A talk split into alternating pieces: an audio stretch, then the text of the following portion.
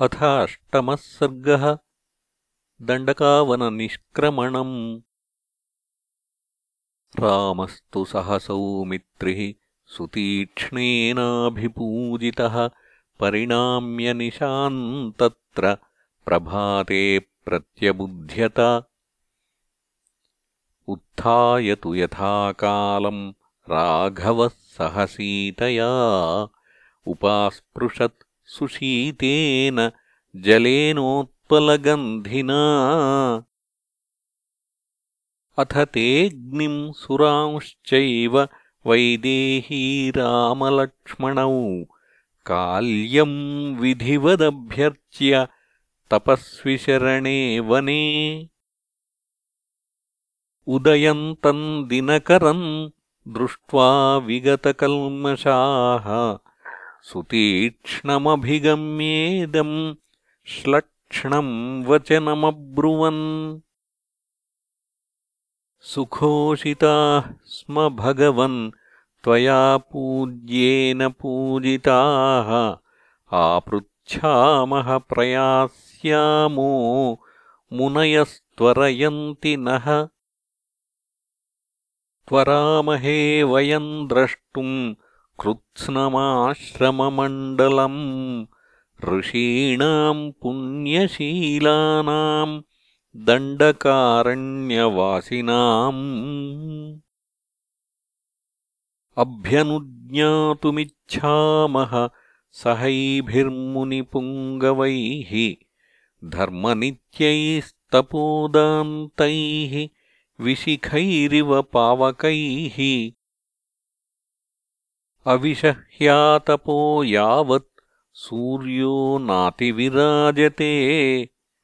अमार्गेणागताम् लक्ष्मीम् प्राप्येवान्वयवर्जितः।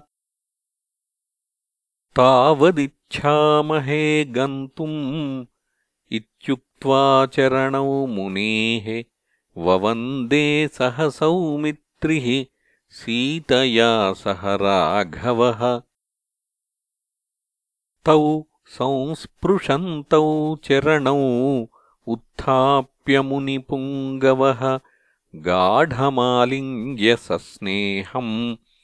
इदम् वचनमब्रवीत्। अरिष्टम् गच्छ पन्थानम् राम सौमित्रिणा सह सीतया चानया सार्धम् छाय एवानुवृत्तया। पश्याश्रमपदम् रम्यम् दण्डकारण्यवासिनाम् येषाम् तपस्विनाम् वीर तपसा भावितात्मनाम् सप्राज्यफलमूलानि पुष्पितानि वनानि च प्रशस्तमृगयूथानि शान्तपक्षिगणानि च फुल्लपङ्कजषण्डानि प्रसन्नसलिलानि च कारण्डवविकीर्णानि तटाकानि सरांसि च द्रक्ष्यसे दृष्टिरम्याणि गिरिप्रस्रवणानि च रमणीयान्यरण्यानि मयूराभिरुतानि च। गम्यताम् वत्स सौमित्रे भवानपि च गच्छतु आगन्तव्यम् त्वया तात पुनरेवाश्रमम् मम एवमुक्तस्तथेत्युक्त्वा काकुत्स्थः सः लक्ष्मणः प्रदक्षिणम् मुनिम् कृत्वा प्रस्थातुमुपचक्रमे। ततः शुभतरे तूणी धनुषी चायते क्षणा।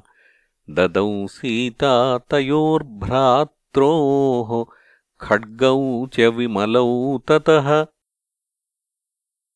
आबध्य च शुभे तूणी चापौ चादाय सस्वनौ।